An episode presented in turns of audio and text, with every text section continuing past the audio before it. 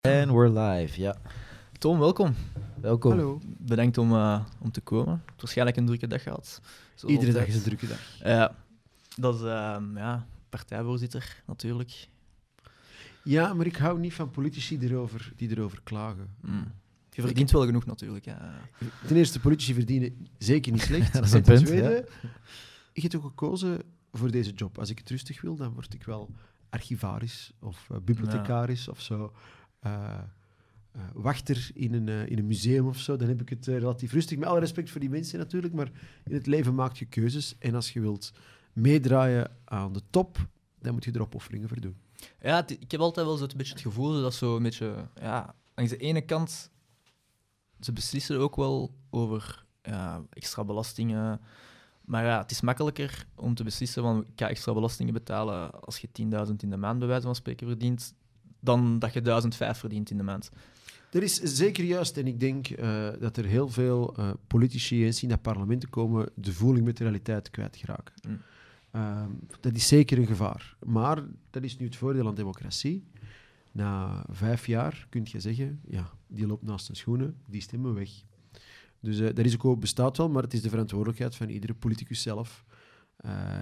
Als je niet meer weet wat een brood kost, of een pak melk of zo, of een krant, ja, oké, dan, en als je niet wakker ligt van je energiefactuur of die plots 200 euro opslaagt, maar voor mensen is dat echt heel veel geld. Dus eh, Mm. uh, ja, dat is zeker zo. Natuurlijk, het omgekeerde is misschien ook niet waar. Hè. Het is niet omdat je een politicus maar, eh, ik zeg maar iets, 1000 euro in de maand laat verdienen, dat het dan een betere politicus is. Dus Ja. we moeten een evenwicht daarin zoeken. Kun Natuurlijk. je daarmee zo PvdA een beetje verstaan? Van dat zij zeggen van je zou eigenlijk het minimum, allee, een gewoon loon moeten krijgen als politieker? Ja, zeker wel. Ik, ik ben niet eens of het... Want zij krijgen het loon dat ze hadden voor ze verkozen werden. Dus er is ook verschil tussen die parlementsleden. Ehm, ik vind persoonlijk dat je een politicus een loon moet geven zodat hij eh, zonder zorgen moet kunnen leven. Dat hij zich ten volle kan toeleggen op zijn job en zijn kiezers tegenwoordigen.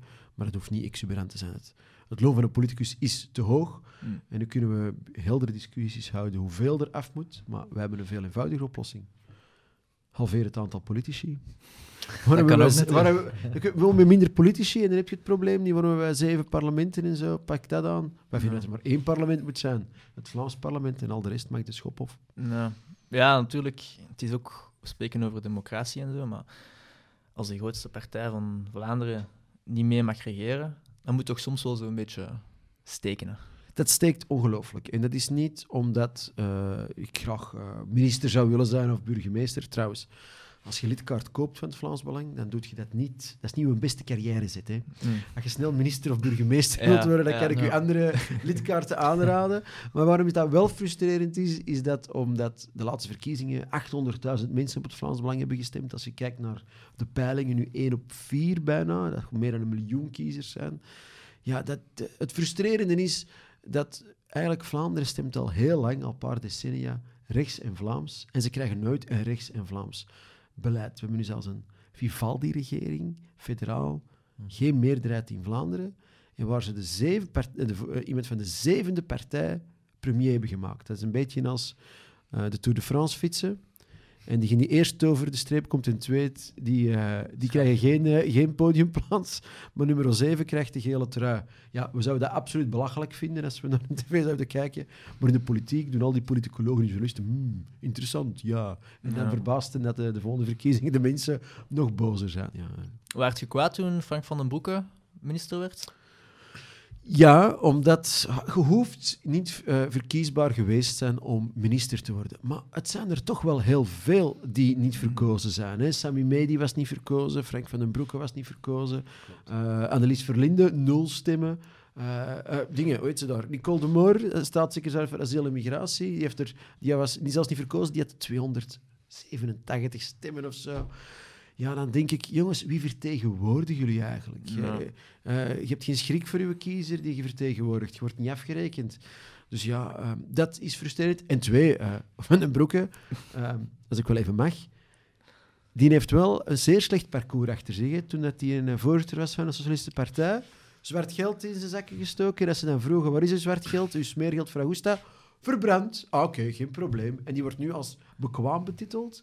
Dat is diegene die minister was en de meest dwaze maatregelen in het onderwijs heeft geïntroduceerd. Heel het onderwijs naar eh, de knoppen heeft geholpen. En nu ineens, he's back, bitches. Ja, oh my god, laat ons... Ja, Erik dat hij terug is. Hij heeft dat alles al verknoeid. Hij heeft verknoeid als, als partijvoorzitter bij de Socialisten. Hij heeft verknoeid als minister van Onderwijs. En nu moeten we allemaal enthousiast doen. eh, als hij Probeert dit coronabeleid ergens anders. Ja, en dat is toch ja, tenenkrullend. Dat is onaanvaardbaar. Ja, zeker in zo'n situatie. Hè. We zitten toch, allee, toen in de corona was het toch wel moeilijk om vertrouwen te hebben in iemand die al beschuldigd is van, van fraude, bij wijze van spreken. Hè. En tot daar aan toe, stel u voor, dat ik al een goede dag heb, wat ik vandaag niet heb, en ik zou zeggen, de spons erover. Ja, dan nog de arrogantie waarmee die man in het parlement spreekt, of tegen, op die persconferentie, dat hij ons behandelde als kleuters. Ja, daar, daar kreeg ik het echt helemaal van. En dan zeker omdat de, de socialisten in vooruit, met Conor Rousseau op kop, eh, laat niet gevaccineerden nergens meer binnen, eh, dictatoriale maatregelen bijna. Daar waren wij ook niet echt voor. eh. Maar dan denk ik, en dan als je dan in het, in het parlement zo eens een vinger opstak, ja, maar ik weet nu niet of dat nu echt de oplossing is, want een vaccin beschermt uzelf, maar niet anderen. Dus dat is een eigen keuze, vrijwillige vaccinatie. Dan werden wij daar aangepakt alsof dat wij al die doden op ons, op, dat dat onze schuld was. Ja, dat, ik vind het een. ja, ik heb die man niet graag van den Broek. Maar ik heb wel de meeste socialisten Ja, graag. ja. Dus. Ah, wel, ik vind het eigenlijk goed dat je daar eigenlijk over begint, want wij waren daar ook... Wij hebben tijdens de corona ook mensen gehad die tegen vaccins waren en zo. Ik ben zelf niet gevaccineerd geweest. Ehm, Vlaams Belang is niet tegen weet het, ik weet het, was niet voor tegen. vrijwilligers. ja. Maar nu komt er meer en meer toch wel info uit dat het niet geweest... Allee, ze, hebben, ze hebben gezegd van het stopt de verspreiding. Uiteindelijk bleek, ze hebben het nooit getest. De CEO van Pfizer heeft dat Toegegeven. toegegeven. Ehm, ja, dat is dan toch al zo'n beetje moeilijk. We hebben mensen opgesloten en het bleek nu, er was een studie uitgekomen, denk ik, dat zei dat eh 70% van de mensen die gestorven zijn aan corona hadden eigenlijk een vitamine D-tekort. Volg je dat ook ondertussen? Of? Maar ik volg die, al die studies niet zo, Mhm. want de problemen van het verleden oplossen, dat is leuk, maar dat ligt Mhm. achter ons. Je moet er Mhm. lessen uittrekken en ik denk in alles dat het eh, beter is als je wat afstand hebt voor terug te blikken, hoe dichter je erin zit.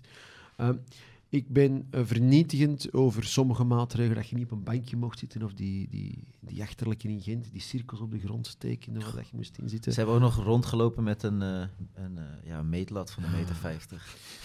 Maar Dat is nog gebeurd. Ja. in, in heel die, die hysterie, je ziet daar iets ongezien dat er fouten gebeurd zijn tot daar aan toe.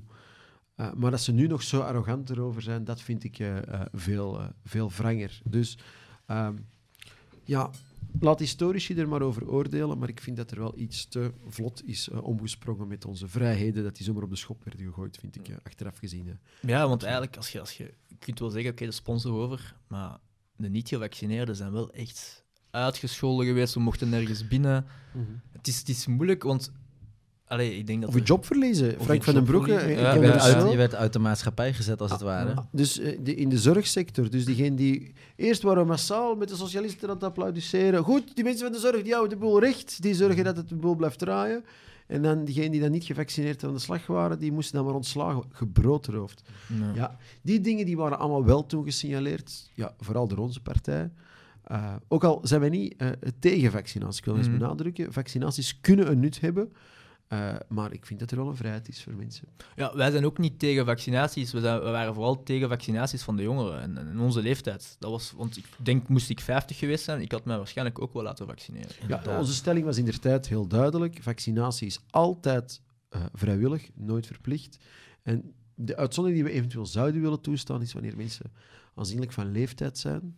eh, of wanneer er echt onderliggende aandoeningen zijn, dat je andere ziektes hebt en zo. Dus Ja. dat, eh, dat waren dingen waar we eventueel wel enig begrip voor konden hebben, maar niet voor te verplichten, maar het toch sterk aan te raken. Ja. Ehm, ja.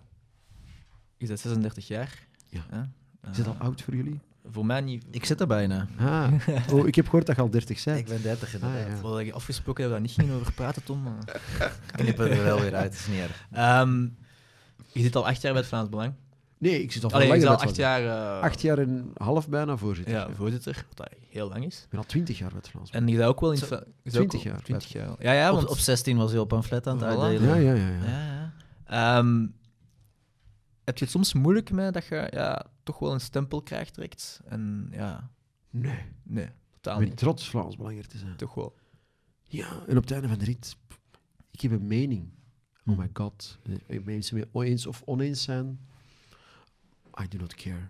Ik ben blij dat ik mensen met mening verschil. Ik sta gewoon voor iets. Ik sta liever voor iets dan mensen die alleen maar mensen naar de mond praten Hm.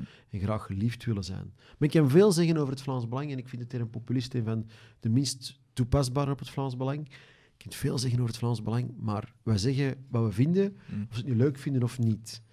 Uh, en ik ben er wel uh, redelijk trots op. Wat ik heel jammer vind, ik vind dat mensen heel hard mogen zijn voor mij als politicus. Zoals we in het begin van het gesprek zeiden. Die politici hebben er zelf voor gekozen en ze hebben ook wat voordelen aan hun mandaat. Maar heel veel mensen die zich engageren bij het Vlaams Belang, ja, zoals ik al ook in het begin zei, ja, dat is geen geweldige carrièrezet. Als je lid wordt van het Vlaams Belang, dan zit het u tot hier. En dan wil het niet meer voor uzelf doen, dan wil het doen voor uw kinderen en kleinkinderen.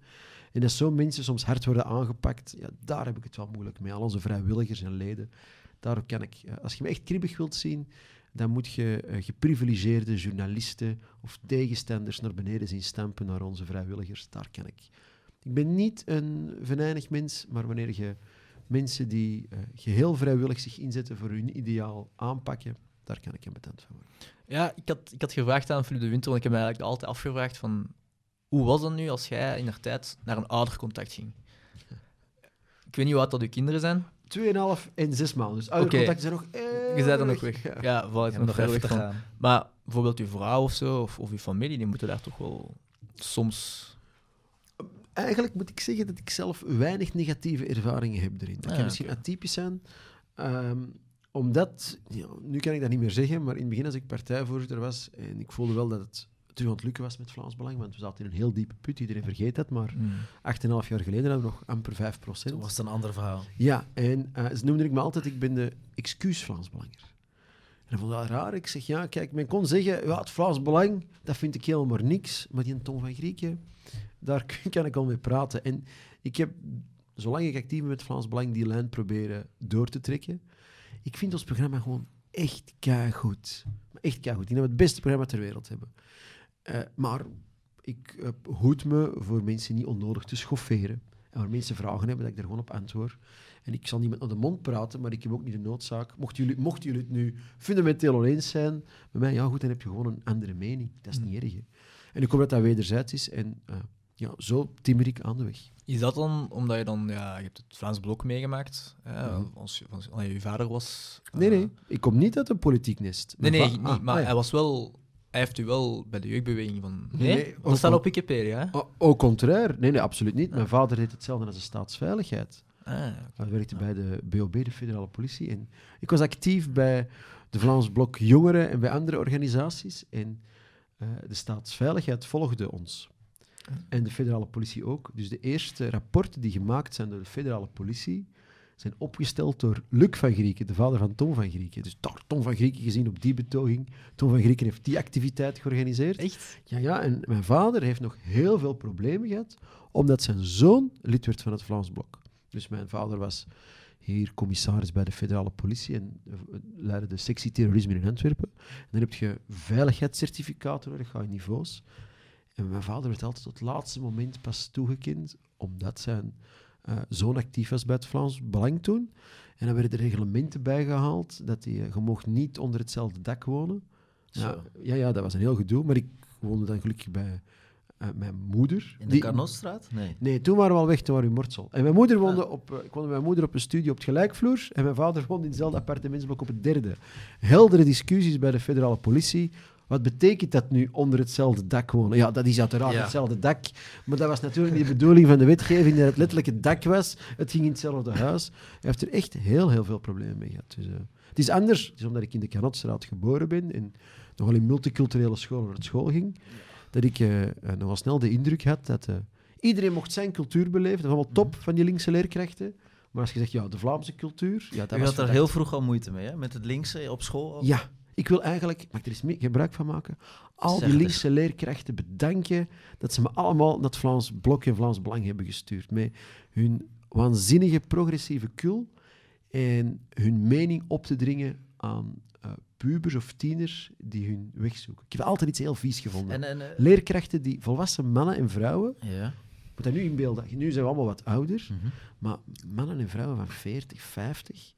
Natuurlijk zet je slimmer dan, dan gastjes van 13, 14, 15. En dat je dan je positie misbruikt om die te sturen in een politieke mening. Ik vind dat iets heel vies. Ik vind dat een beetje vies. Om, te, om hun ideologie over te brengen aan anderen. Dan waren er zo stemtestjes en dan kwamen ze zeggen, ja, maar eh, het, Vlaams, het Vlaams Blok, dat gaat... Nee, nee, dat is een slechterikke. Zo, en dat mocht er niks of... Ja. En hoe komt het dat u daar zo vroeg mee bezig was? Dat het bij u wel speelde en bij anderen misschien niet? Maar ik heb het nooit ervaren zo. Ah, maar werd, Ja. je, werd je politiek bewust op je 14, 15? Ik er niet. Ja, maar ik heb nooit, ik heb nooit, ik heb nooit het gevoel gehad... Ik heb geen enkele leer, leerkracht gehad die maar ook maar iets zei over politiek. Ah, ik heb een, ik heb voor zo'n leerkracht gehad, godsdienst was de favoriete les om miserie te hebben erover. Eh, dat was toen, ik weet niet wat het was, eh, was een, eigenlijk was dat zelfs geen linkse leerkracht, dat was eigenlijk een echte lieve vrouw, maar een beetje naïef. En het, eh, het bisdom Antwerpen had een brief rondgestuurd dat we mee mochten lopen op een woensdagnamiddag. riep op dat scholiertjes meeliepen op een betoging, de HOP-betoging, HOP-betoging, hoop op papieren. Dat was een betoging voor papieren voor asielzoekers. Moet je dat inbeelden, hè? Een brief aan allemaal minderjarigen te geven, gelieve mee te lopen met betoging om mensen die de wet overtreden toch papieren te geven. En ik was toen al actief. Ik zeg, ja, dat gaat er geen zijn. En dan heb ik eh, eh, enkele vrienden opgetrommeld. We waren met, ik denk met 12, 13 of zo scholieren van verschillende scholen in het Antwerps. En hebben we een spandoek gemaakt, stop linkse taal in ons klaslokaal. En zijn we een tegenbetoging gaan organiseren. We waren nog geen, eh, geen niet de straat nog niet uit. Of we waren allemaal opgepakt door de politie. Oh, die zijn echt opgepakt. Ja, ja, ja. Ah, dan iedereen opge zijn ouders opgebeld natuurlijk. Ah, ja, minderjarigen opgepakt. En we hebben zelfs de krant gehaald. En de, de week nadien had ik terugles godsdienst. En ik naar de leerkracht godsdienst. Ik zeg, mevrouw, mevrouw. Het had gezegd, dat is een belangrijk detail. Wanneer iedereen naar die betoging gaat, iedereen naar de betoging gaat, krijgt een extra 10 op 10. Had ze gezegd. En ik naar die leerkracht, ik zei, mevrouw, ik ben ook naar de betoging geweest voor asielzoekers te regulariseren. Ah, zelfs jij, Tom. En ze keek zo heel enthousiast, verliefd. Ik zeg, ik heb zelfs de krant gehaald. De krant. En dan liet ik zien, ja, tiental eh extreemrechtse scholieren opgepakt eh, met een tegenbetoging. Ik zeg hier. En ik zei, mevrouw, als u mij geen extra 10 op 10 geeft, dan maak ik hier spel nog nooit gezien. Want ik heb gedaan wat u hebt gevraagd. Ik ben naar die betoging geweest, maar niet met uw politieke mening die u hebt opgedrongen. Ik heb geen 10 op 10 gekregen, maar niemand van de klas. En dus zo Ah, van ja. die elementen hebben mij gesterkt in mijn overtuiging. Ik hoef ook geen rechtse leerkracht die een mening opdringt. Bijvoorbeeld iets heel stom. Ik had een andere leerkracht, ik heb enkele scholen in Antwerps aangedaan, die gemeenteraadslid was voor het Vlaams Blok, Vlaams Belang toen. Ik wist dat niet, tot ik later actief werd bij het Vlaams Belang en die plots tegenkwam. Want die is strikt neutraal geweest. Mocht hij nu Vlaams Belang propaganda in de klas hebben verkondigd, dan had ik daar ook problemen mee gehad. De scho- De school moet neutraal zijn. Maar dan had hij er waarschijnlijk ook problemen mee gehad, Ja. omdat het Vlaams Belang was. Ja. Eh, Vlaams Blok toen. Ja, ja het komt ook wel... Het is al een tijdje bezig in Amerika. Hè. Daar is het echt extreem aan het worden. Ehm, en dan merk je wel dat het altijd wel overvliegt hier naar België. Eh, ik, heb een paar, ik heb een paar vrienden die, in de, allee, die op school staan. Mhm. En ehm, bijvoorbeeld, ja, wat is dat, kleuter, kleuterleerkracht. En die zei dan dat sommige, soms sommige dagen moeten jongens de haren kammen van, van de meisjes. En, en zo... Is op zich niet zo'n drama nog. hè. Nee, nog niet zo- zo'n drama, Je maar... moet de, dok- de haren van mijn dochter kammen. Dat is Ja, niet zo ja, erg, ja. hoor. Maar je merkt wel dat er ja, toch wel heel veel over LGBTQ wordt gepraat en dat het toch wel wordt gepusht. Want ik heb zelfs, ik heb zelfs mensen, ik heb bij Koebloe gewerkt, Mhm. en dat waren dan ook soms eh, mensen van de islam die naar mij kwamen en die zeiden zo van, ja, ik ga naar, ik ga naar, een, eh, ik ga naar een katholieke school gaan, want op de gemeenteschool, ik kan het niet, allee, ik kan het niet meer aanzien. Ja. Dan gaat het toch wel ver, hè? Ja, laat me nu wel zeggen dat... ehm, ik ben zo geen fan van al dat transgender gedoe. Ik vind dat eh, veel te ver doorgeslagen. Maar ik wil er wel aan toevoegen... Ik denk dat het ongelooflijk verschrikkelijk moet zijn om als man geboren te worden in een vrouwenlichaam Mm. of als vrouw in een man. Dat lijkt mij wel verschrikkelijk. Dus die mensen aan zich, ja, daar heb ik eigenlijk wel begrip voor. En als die zich gelukkiger voelen, als Jan graag met een rokje rondloopt of Mieke graag kortare, leven en laten leven, Mhm. Uh, maar waar ik wel fundamenteel een probleem heb, wanneer men uit dat gevoel rechten begint te halen. Ik voel mij vrouw, dus ik mag in de vrouwenkleedkamers. Ik voel mij vrouw, ik mag meedoen met uh, vrouwensport. Ik heb nog meer problemen met het feit dat men aan minderjarigen dat opdringt. Ik weet niet hoe dat jullie puberteit was, maar puberteit is seksueel al heel, heel verwarrend. En dan, en dan gaat men dat nog eens doen. Ja, en dan, ja, man of vrouw? Ja, nee, nee, zo, zo ingeestig zijn we niet op school. Eh, ja, zo ingeestig zijn we wel. Want ik heb opgelet in de les biologie. In het 23 chromosoompaar zijn er twee opties. XX en XY. Man of vrouw. Er zijn maar twee geslachten. Gender is een sociale constructie. Dat is uitgevonden. Hm. Dat mensen zich slecht in hun vel voelen. Alleen bijvoorbeeld, en waar, waar trekt je die lijn? Ik voel mij vrouw, dus ik mag op mijn paspoort vrouw zetten. Maar ik voel mij nu toch vandaag 70. Pff, Ik ben echt een oude ziel en een jong lichaam. Mag ik mijn leeftijd aan aanpassen? Want als het ene gevoel rechten heeft, heeft het andere gevoel daar rechten? En mag ik daar ineens mijn pensioen krijgen, alsjeblieft? Of bijvoorbeeld, je hebt Reptile Man of Reptile Woman. Dienen het eens googelen. Die mens voelt zich echt een reptiel. Hè. Er is zo, eh, een, is een, een tong, een slipje in en zijn, zijn irissen. Mag die dan plots reptiel zijn? Gaat die mens dan ineens eieren leggen? Allee, ik word er allemaal heel nerveus van. En men begint ons taal aan te passen. Eh, je moet opletten hoe dat je bepaalde... Of pronouns, ja. Ja. Eh, ik heb misschien een oude mensen op mijn 36, maar ik kan niet iemands pronouns vragen. Hoor. Ik wil echt ik, eventueel verontschuldigen dat ik iemand voor een vrouw dat een man is, dat ik zeg, oei, ik wil je niet onnodig beledigen, maar we gaan niet met die onzin beginnen. Hoor. Ja, ik bedoel... Ik, Ik vind het ingewikkeld, eerlijk Het gezegd. is ingewikkeld. Ik heb Het is ook- niet ingewikkeld, hè? het is man, vrouw, Ja, punt. ah, wel. Ja. Dat- het is heel eenvoudig. Het zou niet ingewikkeld Al moeten zijn. miljoenen jaren. En dat er tegenwoordig heel veel over het individueel gevoel wordt gepalaverd, dat is leuk, maar dat is eigenlijk een welvaartsziekte. Hè? Mensen hebben te veel tijd om daarover na te denken. Ik trek zelf, ik persoonlijk trek ook wel de lijn als ze inderdaad eh, beginnen met minderjarigen. Hun zijn nog niet volledig ontwikkeld. Er zijn ook heel veel wetenschappelijke eh, testen geweest, et cetera, waaruit blijkt dat eh, zoveel procent als ze uh, naarmate dat ze ouder worden, dan is de drang naar het veranderen van geslacht is, is uh, veel af. minder. Heel veel minder. Tuurlijk. Um, en dat is gewoon te vroeg waar ze nu bij beginnen. Ja, of hormoonbehandelingen op minderjarigen, Ja. maar allemaal op je hoofd gevallen. En tegenwoordig in België wist je dat, dat je, dat is dankzij zowel de Miert, toen ze nog federaal minister was, dat je het geslacht op je pas kunt laten aanpassen zonder geslachtsverandering.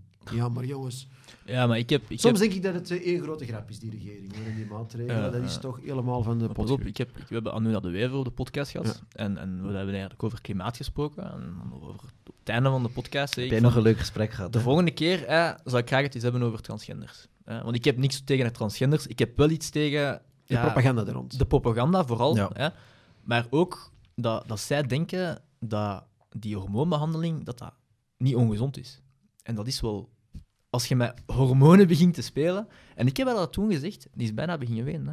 Of podcasten. Dat Ja. ik ook dacht van... Allee, het is toch logisch als je met hormonen begint te spelen... Dat, je, dat dat niet gezond is, hè? Tuurlijk niet. En zeker, en zeker voor minderjarigen, nogmaals. Ze zijn nog niet ontwikkeld. Ontwikkeld, dus laat het nu allemaal toch maar. En eh, ieder, men gelooft allemaal dat ieder kind uniek is en zo, en dat is wel zo. En je krijgt een set genen mee. En ja, je zit eigenlijk genetisch al bepaald bij de geboorte, waar je ongeveer later zult worden, Mm. biologisch. Je kunt nog wel andere dingen bijsturen. Dat is eh, eh, maakbaarheid, eh, nature versus nurture. Je kunt wel mensen via opleiding en onderwijs kansen geven en doen doorgroeien en talenten laten ontwikkelen. Maar sommige dingen zijn nu helemaal bepaald vanaf de geboorte. Hè? Ja, Mm. als, als uw beide ouders twee meter zijn, de kans dat jij niet groot gaat worden is nogal klein. Als je twee Ja. ouders, eh, eh, ik zou maar zeggen, ros zijn, dan is de kans klein dat jij schattig cruiselaar hebt Mm. en pik zwart haar hebt. Het kan allemaal wel, maar laten we nu maar zeggen dat daar toch... Je mag niet zeggen dat alles biologie is, Mm. maar het omgekeerde zeggen dat er niks biologisch is, ja, dat is even extreem. Ja, want bijvoorbeeld Petra de Sutter, dat stoort me niet dat dat... Maar nee, en dat, die doet ook goed haar job. ik Allee, zou eens meer zeggen, als, als eh. minister, de omgang met Vlaams Belangers geeft mij maar eh, duizend keer liever Petra de Sutter dan Vincent van Kikkenborne, bij wijze van spreken. ja. Dus, maar... En, eh, ik, eh, ik ken Petra alleen maar als Petra en ik, ik kan niet onnodig haar een oude naam gebruiken om haar te schofferen. Mm. Als zij daar gelukkig mee is. Ja. Maar we gaan geen passen veranderen. We gaan geen genderneutrale Mm. toiletten, zoals Lisbeth Homans nota bene nog als minister heeft ingevoerd. Al die Vlaamse overheidsgebouwen moeten genderneutrale toiletten hebben.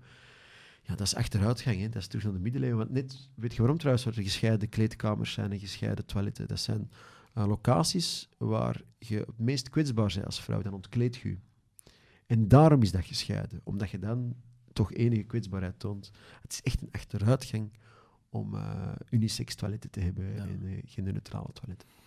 Ehm, ja, ik bedoel, het Vlaams Belang, jullie zijn enorm gegooid op een hele korte tijd toch wel. En ik denk dat dat vooral te maken heeft dat jullie een van de eerste partijen zijn dat echt gefocust hebben op sociale media. Hm, dat denk ik eigenlijk niet. Ik denk dat dat geholpen heeft. Maar als het enkel maar op focus op sociale media is, waarom doen de andere partijen dat niet? Jullie waren wel de eerste dat echt gebruik maakten van, van sociale media. Met Eh, grote jullie, jullie, budgetten. jullie budgetten waren ook vooral We waren kleiner dan andere partijen. kleiner wel, maar wel volledig bijna geïnvesteerd Ah, in... wij hebben de meest groene campagne ooit eh, gedaan. Wij, wij zeiden, ja, die garmen die bomen, je moet heel veel bomen kappen voor pamfletten in de bus te steken. Dat kost ook heel veel geld. Dus we hebben de groenste en de efficiëntste campagne gevoerd. Dan zijn die groen weer niet content. We kunnen nooit goed doen. Ja, maar het was wel, het was, het was wel slim, hè? Het was wel slim. Maar het is, en- het is- en- het is slim omdat we gedwongen zijn. Hm. Wij kregen geen media-aandacht, maar geen media. Nul. 0,0. Ik weet nog, eh 2015 zijn die aanslagen, 22 Ja. maart. Islamitische aanslagen. Waar iemand Allahu Akbar roept, alleen een paar, en die blazen zichzelf op. Je zou nu toch denken, wanneer zoiets gebeurt, dat de media de reflex heeft. Tja, wie heeft daar nu de afgelopen twintig jaar lang al over gewaarschuwd of iets over gezegd? Misschien kunnen we die eens vragen.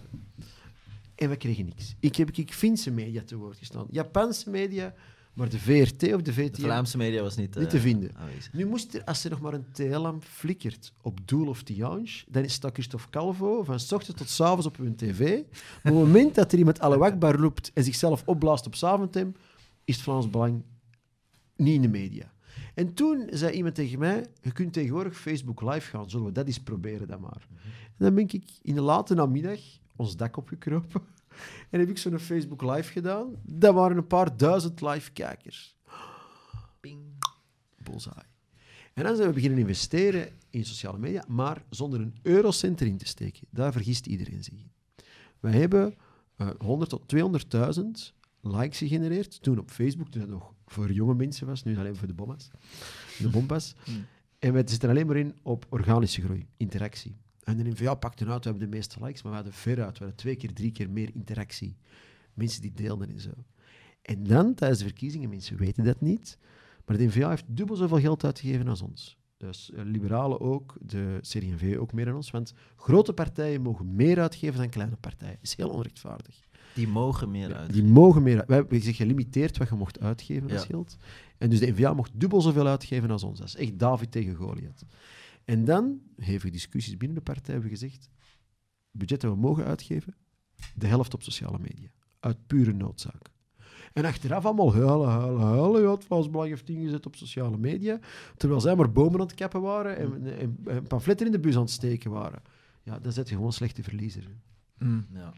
Ja, ja, het is natuurlijk ja, Hypocriet, hè? hypocriet. Het ge- het ge- hebben jullie daar eigenlijk veel problemen mee als jullie nu op TikTok inzetten? Dat jullie vaak ja, video's verwijderd worden? Of... Eh, TikTok is niet zo. Ja, eh, nee, we hebben een paar problemen. We op, eh, eh, voor eh, Musk eh, Twitter heeft overgekocht. ja, ja, Mm. ja, ik ben beperkt in mijn profiel. Ik ben mijn Twitter en mijn vinkje kwijtgespeeld. Dus wij zijn beperkt in de dingen die wij kunnen. Wij kunnen niet adverteren op Twitter omdat wij gelabeld zijn als hate speech. Op Facebook zijn we geshadowband, dus we adverteren nog steeds best veel op Facebook. Maar weet je wat de grootste doelgroep is naar wie we adverteren? Gok eens. Mensen die Vlaams Belang leuk vinden. Ja, ja. We hebben vastgesteld dat mensen die Vlaams Belang leuk vinden, de post van Vlaams Belang niet meer zien. Dus wij gewoon simpele reken gaan. Dan gaan wij adverteren op de mensen die ons al leuk vinden, zodat onze eigen mensen op zijn minst onze boodschap al. Ja. En dan eh, TikTok. TikTok valt wel mee, qua, ehm, maar je zit wel heel snel in uw, uw, uw koker. Eh, en als we eh, live gaan, dan zie je wel... ehm, eh, eh, ja, dat is wel grappig, maar massaal rapporteren dat u live eruit gaat. Maar goed, dat is een beetje... Wordt direct geboycott, zeg maar. Ja, Dat is ook wel zoiets hè, bij TikTok. Massaal reporteren, dat is ook wel... Cancelen, hè? Cancelen, We ja. hebben ook ja. al last gehad. eh. Ja. Ja, dat ook wel, eh, ja, vooral porno gewijs. eh. Maken jullie veel porno op TikTok? We maken geen porno, maar als we... Wacht als even, we- wacht even. Pauze. Oh, oh. Als we, als we pornoactrices uitnodigen, dan eh, kan dat wel eens... eh, En ook bijvoorbeeld, we hebben ook eens eh Philippe de Winter, eh er is ook wel een video verwijderd geweest. Wat, eh, ah ja, marihuana. Marihuana was ja, het, ja. Oh, wacht. Dan moeten we echt bliepen anders. Anders voor ja. Ja, nee, nee, dat zetten we niet op. eh, Ah ja, oké. Ehm, de volgende verkiezingen. Winnen. Kans is groot wel. Maar dat weet je niet. Je moet nog altijd de, er is altijd een verrassing in de verkiezingen. Het is Hmm. nooit gelopen. Ik, want, het gaat snel het leven. Hè. In 2019, alweer al vier jaar geleden, toen dacht niemand dat het Vlaams Belang ging winnen. Hè. Toen dacht iedereen, het zal groen zijn. Weet je dat nog? We hebben over die linkse leerkrachten net gehad. Ja. Dan beginnen met kleutertjes en, en lagere schoolkindjes betogingen voor het klimaat. En Anuna was de star en het was de NVA tegen groen. En up, NVA de doos in en groen ook verloren. En wij wonnen. Men mag nooit op voorhand al denk het vel van de beer verkopen voor hem geschoten is. Wij noemen dat intern, we mogen geen Christophe Calvo doen. Christophe Calvo zag zichzelf al als minister en rondgereden worden met een auto met chauffeur, want hij heeft nog steeds geen rijbewijs. Dat gaan we niet doen. Voetje op de grond. Als je mocht al mijn reacties zien naar aanleiding van peilingen, waar we de grootste worden en heel groot zijn, zeg ik altijd, ook al is het een goede peiling, het is maar een peiling. We gaan nog hard moeten werken, veel luisteren naar de mensen. En beide voeten op de grond, eh, precies wel, toch? Ik moet nu wel zeggen, Christophe Calvo is hier geweest. Super sympathieke gast. Toffe hè. kerel. Toffe maar kerel. Ja, als je de band zou terugspoelen, zou je zien dat hij echt wel aan het zweven was de laatste jaar voor de verkiezingen. Dat kan wel. Dat is een groot risico. En momenteel, houd vasthouden, heb ik het idee dat Vlaams-Belangers dat niet doen. Wij zijn, lopen nog niet naast ons schoenen. Wij weten van waar we komen. En eh, ja, daar ben ik eigenlijk als voorzitter heel trots op. Bent u Ja. altijd zo geweest? Definieer hoe ik nu ben. Eh, hoe moet ik dat zeggen? Met, met beide voeten op de grond? ja, Ondanks, ja. ondanks de positie dat u hebt. Want dat is meestal iets dat mensen moeten leren. En dat niet dat iets dat ze dat al hebben. Ik ga u iets vertellen. Ehm, Oké, toen vertel. eh, ik ben, de eerste keer dat ik een eigen slaapkamer had, was ik pas 21. Toen mijn ouders gescheiden waren, woonde ik op een studio met, met ons mama, ondertussen overleden aan kanker. En eh, mijn moeder sliep op zo'n zo een, een zeteltje dat je kunt uittrekken. Mhm. Eén persoonszetel waar ze kon in slapen. En ik sliep op zo'n twijfelaar, zo'n ding van de, de Ikea, Ja. mijn bureautje, in dezelfde ruimte. En dan, ehm, toen ik voorzitter werd, eh, heb ik eh, een, een plattegrond gezocht van dat studio waar ik toen had gewoond met, met mijn moeder. En ik dat op, eh, wa- op ware grootte, op dezelfde schaal, de contouren van mijn nogal groot voorzittersbureau overgeschilderd. Op dezelfde schaal. En dat heb ik voor mijn neus gezet. Dat staat nog iedere dag tegenover mij op mijn bureau. Zo.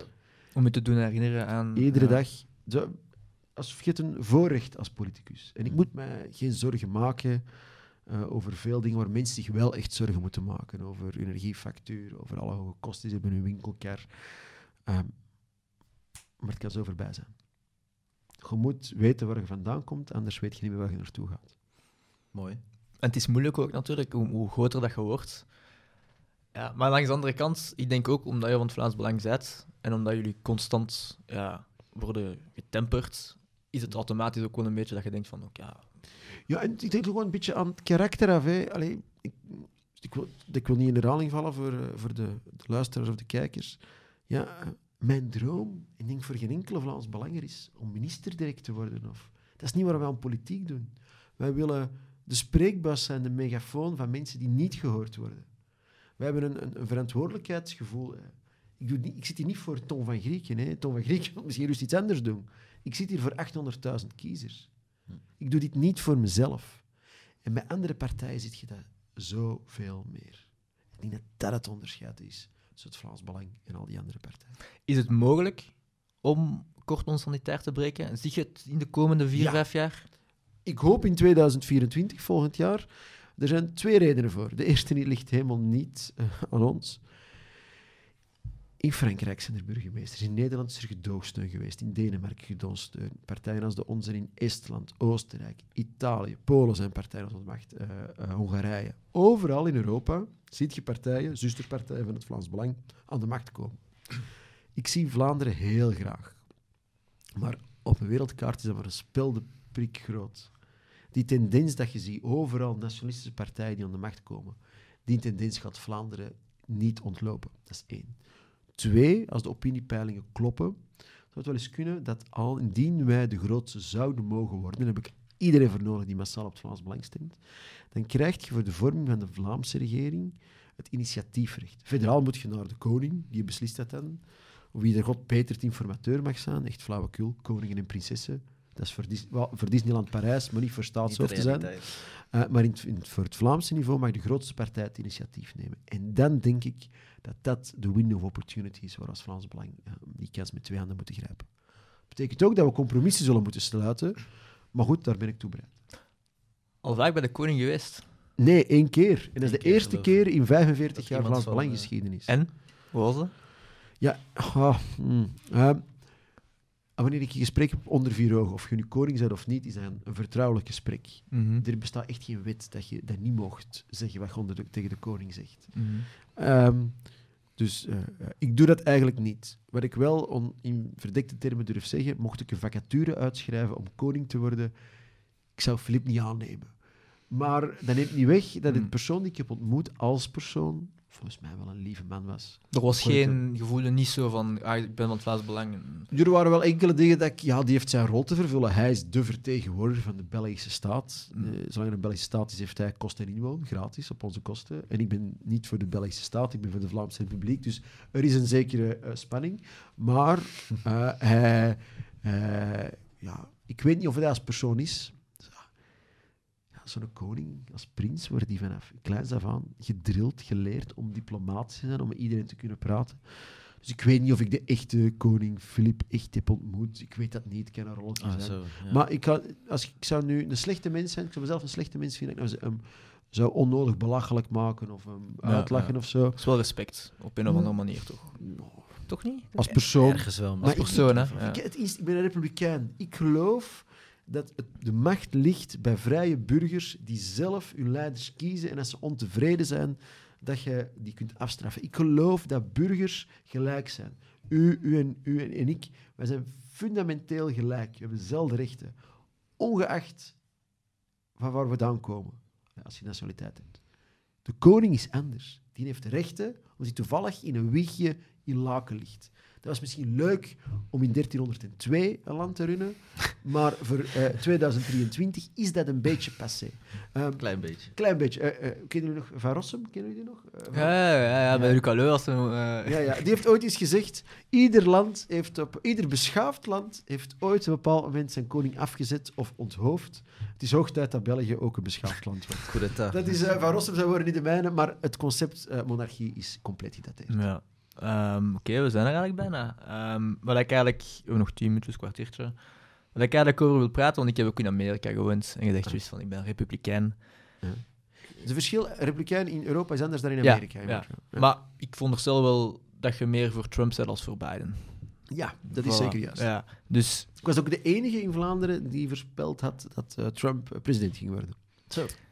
ja, ja als je, was echt, het was echt een mediacircus op dat moment. Hè. Het was een hele... Toen stond hij maar op 2% in de polls bij de Republikeinen, zelfs niemand nam hem serieus. Ja, maar ik bedoel, als je die debatten nog, nog bekijkt van, van, van tegen Hillary Clinton, hè, ze Ja. zei van, you're, you- if I'm in charge, you're gonna be in jail. Hè. Ja, ja. Was toch hilarisch? Dat, dat was hilarisch. Dat was eigenlijk hetzelfde. Dat was eigenlijk hetzelfde moment dat ik aan het kijken was naar VTM Nieuws. En ik zie u daar zitten in de studio en ik zie u een pepperspraybusje pakken. Dat Ah. was ook dat was ik hetzelfde gevoel. Ik zeg van, ja, het- oké. Ja, en Trump was wel goed in Ehm, en hoe dat de media... Ik heb Trump twee keer in mijn leven weten speechen. En ik denk dat Vlaams Belang nogal goede speechers zijn. We hebben nogal de gewoonte om lange congressen te hebben en een speech. Hè. We houden ervan om elkaar een beetje te overklassen om de, de zaal wil te krijgen. Eh, en ik dan Trump zag op tv, dan dacht ik, ha, hebben ze weer zo'n domme Amerikaan. eh. en dan ben ik gaan luisteren naar zijn speech en die spreekt vlotjes een anderhalf uur, een uur en drie kwartier, soms twee uur, zonder al te veel voorbereiding. En die spreekt eigenlijk heel, heel goed. Ik heb er zitten kijken met grote ogen. Ik zeg, mai, dat is een oratorisch talent. En dan ging ik... Ik was in Amerika en ik ging kijken met vertraging naar het V- VRT Nieuws met Björn Soenes, het verslag van zijn speech. En ik dacht, amai, dat is een achterlijke die Trump. Dat was ongelooflijk hoe dat ze met knippen een klein stukje uit een toespraak konden halen en hem eigenlijk ridiculiseerden. Dat is iets wat ehm, ons soms ook overkomt. In een toespraak, een, ge- een geroept iets en die opbouw en dan knippen ze juist één stukje en dan, kijk, daar zijn die Vlaams Belangers weer. Die zijn weer aan het roepen. Licht frustrerend. Het was op een gegeven moment aanhoudend ook. Ah, je zag alleen maar zoonbeelden van Trump ook. Ja. En niets anders. Ja, en als je dan een beetje moeite deed om te googlen, dan zag je dat het wel genuanceerder was. Ik denk dat heel Vlaanderen dacht, ja, dit is, eh, Clinton wint dat sowieso. Je ging kijken in opinion polls, was dat al veel... Niemand vertrouwde Clinton, hè? Niemand ja, vertrouwde. nee. Zij was een van Nog het steeds establishment, ze was een swamp. Hè, Ja, ja. dus- En als je dan keek hoe dat die voetbalstadia vul, vulde... Mm. En, ik heb altijd gezegd, en dan kunt je ook de, de krant erop nalezen, er zijn eh, veel dingen waar je mee kunt oneens zijn met Trump, maar Trump had eh, drie dingen waar ik het echt mee eens was. Als je vroeger naar de Republikeinse partij keek, dan waren dat ze van die eh christenfundies die, eh, en eh, zotten met wapens. en Trump heeft zich daar helemaal niet zo op geprofileerd. Die heeft eigenlijk drie dingen gedaan die, die nogal atypisch zijn voor toen de neocons die de Republicans domineerden. Eén, hij, heeft, hij sprak over migratie, illegale migratie, wat heel Europees rechts aanvoelt. Build that wall. Uh, trouwens, Biden heeft dat beleid van Trump helemaal niet omgekeerd. Hij doet dat gewoon ijverig rustig verder, maar dat durven ze niet te zeggen. Twee, hij sprak over economie. America first. We moeten jobs hier houden in fabrieken. Ik vond dat iets, een sociaal aspect. Maak ermee. En ten derde, waarom ik groot fan ben van Trump, maar dat is altijd onderbelicht gebleven. Hij wou stoppen met politieagent in heel de wereld te zijn. Ja, ja. Ja. Ja. Obama heeft oorlogen gestart en heeft de Nobelprijs Heel voor de. Vrede gekregen. Clinton, Bush allemaal. En Trump heeft nul oorlogen gestart. En zelfs vrede geprobeerd te En sluiten. zelfs, in, Onderhandelingen met Noord-Korea. ja, waarom? Maar een beetje, ja, kleutertuinachtig. Ja, eh, my button is bigger than yours. Ja, ja. En ik heb ook nu... Oké, goed, maar als die mens dat alleen maar die taal begrijpt... Soms in geopolitiek, als je een hard power bent, begrijpen ze alleen maar dat. Eén keer heb ik getwijfeld aan hem, toen hij eh, met Syrië... eh, raketten heeft, een Russische basis heeft plat gebombardeerd. Mm. Maar dat was risicovol. Maar dan achteraf blijkt dan dat hij op voorhand een telefoontje had gedaan. Zei: Ik wil niet dat er slachtoffers vallen. Maak dat u al binnen een uur bombardeer ik het plat. Je hebt een uur de tijd. Dus hij heeft zijn tanden laten zien. Hij heeft de, want er was in de tijd Obama. De ene red line dat hij trok, de andere werd gecrossed. En dan men lachte met Obama. Hè. Ja.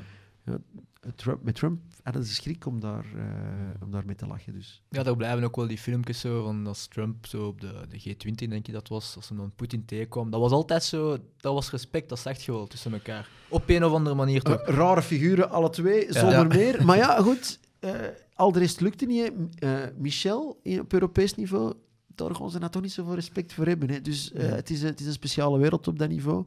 Eh, maar ja, mijn grootste trauma van Trump is dat na de verkiezingen dat hem, Ja. die bestorming, dat hem daar niet veel assertiever tegen heeft geageerd. Dat heeft heel zijn nalatenschap ja, verpest. Hè. Maar ze hebben ook gewoon direct uitgeschakeld, als het ware, daar. Ja, maar ik. achteraf gezien eh, waren mensen aan het speechen op die rally en Mhm. zo, die wel veel verder gingen dan Trump. Trump heeft nooit opgeroepen voor het Capitool te Ja. bestormen, Ja. maar je kunt ook niet oproepen om niet te bestormen. Ja, het is- Hij heeft veel te laat gesproken. Hij zet aan het Maar- stand down, maar allemaal te laat. Ze hebben wel, er zijn toch wel dingen gebeurd die 6 januari Die eh, niet zo klopt. die niet zo kloppen. Ja. Ja. Dat zal wel, maar laten we maar zeggen, er waren mensen die er zijn binnengegaan, massaal. Ja, Dat ja, had je, ja. als, je, als je leider bent, dan moet je je verantwoordelijkheid nemen. En ze luisteren naar u als je op dat podium staat. Als jij expliciet stop hiermee, keer terug. Hij heeft dat wel gedaan, maar veel te laat. Ja, ja, Hij mocht iets meer profilent aanwezig zijn op dat moment. Het probleem was ook Ja. dat hij eigenlijk door, door die ene, ene move, want ze, praat, allee, ze, ze waren er al ervoor, praten ze er niet veel over, over het goede dat hij het gedaan heeft. Maar door die ene move hebben ze gewoon, is het gewoon volledig vergeten. En hij heeft eigenlijk verloren eh, door corona. Hè? ja, ja, ja, ja. Want economisch deed hem het goed, eh, geopolitiek deed hem het goed. Migratie heeft hem niet volledig gedeliverd wat het moest zijn. Dat was een, ja, een, een setback, vind ik persoonlijk. Maar daar heeft hem zijn, zijn legacy eigenlijk eh, vergooid. Jammer. Dat een nieuwe Ronald Reagan kunnen geweest zijn. Gaat hij winnen als hij terugkomt? Ha, nu vraagt hij mij een nieuwe voorspelling. Hij wint zeker eh, de, eh, de strijd binnen de Republikeinse partij. Er komt niemand in zijn buurt. Hè. De Santis? Ja? Blijft steken op 20 procent. Hè. Het is, Ja. dit is een, Ik denk dat Trump gewoon veel te populair is daarvoor. ja. maar Trump met DeSantis als vicepresident. ja, maar dat gaat dus niet. Dat Mm, zijn power twee move. handjes. Ja. Ja. Dat gaat niet. Er is maar één baas en dat is Trump. Ja, het is niet mijn stijl van, van leiderschap. Maar goed, eh, het is Amerika ook, hè, niet te vergeten. Ehm, dus ik denk dat dat gaat wel willen. Maar dan krijg je... Ja, dat is gelijk een slechte sequel zeker. Hè? Nog eens Biden-Trump. Wie gaat daar naar zien? Dat is... Het is eh, niet leuk, hè, met Biden. Allee, kom, het is, het is saai. Vroeger keek ik naar CNN als, als, als, als Trump op tv kwam en ik had al direct zo het gevoel van, oké, let's go. Ja, maar je, weet, je weet ook niet wat Biden zegt. Ja, nee. ja. Voilà. Voilà. Hij weet, Ja. zelfs niet, hij weet zelf niet wat hij, Hij zegt. weet ook niet wat hij zegt. En hij valt van de, van, van, van, van de trap constant, hè. Dus ja, er gaat, er gaat wel iets moeten gebeuren in beide partijen. Eh, maar goed, ja, oké. ja. Maar je snapt toch niet dat Kevin Newsom wilt opkomen voor presidentschap? Wie is Kevin Houston? Ik, ben, ik weet, ik ben echt niet mee. Ik ben De, de, van Californië, de gouverneur. Ah ja, ja. Dat is toch... Maar wel wat profileringsdrang. Hè. Ja, dat is altijd... vergeten. eh, Hoe kunnen bekend worden door eh, kandidaten zijn voor de presidentsverkiezingen. Hè. En dan loop je een paar maanden en dan, ah, dankjewel voor de sponsoring. Spotlight gehad. En dan ga ik eh, weg. En dan, Ja. en dan hoopt je nog dat je, dat je een beetje je kerkje vasthangt, dat u zal supporten als jij dan lokaal runt. Ja, dat is het politieke spel daar in Amerika. En dat vind ik ook zo gek. eh, als je journalisten hebt hier, zijn heel goed in culturele verschillen in andere landen. Moet je begrip voor hebben dat er aan politiek wordt gedaan in eh, Afrika en in magere landen. Maar in Amerika hebben ze helemaal geen begrip hoe dat politiek systeem werkt, wat de politieke cultuur is. Daar moet mee gelachen worden en belachelijk gemaakt worden. Kijk, ieder land heeft zijn, eh, zijn politieke geplogenheden. Als ze ons niet lachen, met ons zeven parlementen of 500 dagen geen regering, of een regering die niet kan vallen zoals die Vlaamse regering. Eh, Maar wij, dat vinden we allemaal heel normaal. Hè? Ja. Maar dat er in Amerika soms rare dingen gebeuren, dat moet mee eh, absoluut niet gerelativeerd worden. Ehm, 2024. Ja. Ja, jullie, jullie winnen de verkiezingen. Ja, jullie mogen als eerste aan tafel. Met wie ga je als eerste eh, in contact? Ah, met mijn eigen mensen. Na je eigen mensen, ja. Eh, wel, ik zou graag iedereen uitnodigen. Ja. Iedereen zien. Eh, ik wil niet doen wat onze tegenstanders met ons doen. Ik wil met iedereen aan tafel zitten. Bestaat de kans dat ik met eh, de socialisten van Rousseau of de communisten een gemeenschappelijk plan vind, is heel klein. Omdat onze programma's uit elkaar liggen. Eh, Nou, in Molenbeek gaan jullie misschien nog wel... Zelfs daar niet. Dus dat ligt, maar ik vind wel dat ik de beleefdheid voor respect hebben. En Ja. misschien, oh, we zullen zien. Het is nog zeer onwaarschijnlijk dat we common ground vinden. Het meeste gaan we gemeenschappelijk hebben met de NVA. Maar Maar gaat de Wever dat... dat Dat weet ik niet. Maar ik bijvoorbeeld de CD&V, sommige, als het gaat over gezinsbeleid, hun sociaal-economisch programma van de CD&V ligt dichter bij dat van ons dan het kille neoliberale beleid van de NVA. We zijn veel socialer dan de NVA, zonder links te zijn. Een beetje CD&V-achtig Mm. qua economie. Ja. Dus we moeten een keer kijken waar we elkaar vinden. Maar door de band genomen, en dat begrijp je ook wel, als je nu eh, een doorsnee Vlaams Belang kiezer en een doorsnee NVA-kiezer en je pakt de grabbelton en een proble- maatschappelijk probleem en je laat ze alle twee op een papiertje schrijven hoe ze zouden oplossen, hoe een Vlaams Belang er naar problemen kijkt in een NVA. dat- Vaak is het uitgangspunt, grosso modo, hetzelfde. Ik noem ons altijd een beetje, we zijn één Vlaams nationale familie. We zijn op elkaars achterneefje, zowat. Maar zoals zo vaak in families, en dat de heftigste ruzies. eh eh, dus ja, ik denk wel dat het daarmee zou moeten lukken, maar Oké. zeg, ik kan de toekomst jammer nog niet voorspellen. Als ik dat zou doen, dan zou ik op de lotto spelen en in de politiek. Ja, dat Ja, deed ik mee. Ja. Ja, Oké, Tom, ik wil je bedanken. Ik vond het echt een heel leuk gesprek. ik Eh, vond het wel bijzonder leuk. Het was echt leuk. Ik, wel- ik zou je veel succes willen wensen. Dankjewel. ja, Ik jullie ook. 2024. Dankjewel. En ik vind eigenlijk dat je van je, je bereik dat je hebt op TikTok en al die andere kanalen gebruik moet maken. Als iemand nog een, een coole, verwarmde ruimte heeft waar je een studio kunt, eh, kunt hebben, vind ik dat je ze je moeten contacteren. Voilà. Kijk, Daar dankjewel. gaan we Voilà. shorts van maken en eh, dat smijten we erop. zeker. Hebt u nog een studio over of een kamer die goed geïsoleerd is? Contacteer ze, ze zoeken nog een plekje. Yes. Ehm, Tom, veilig thuis Tot de en eh, volgende. tot de volgende. Tot de volgende. Ciao.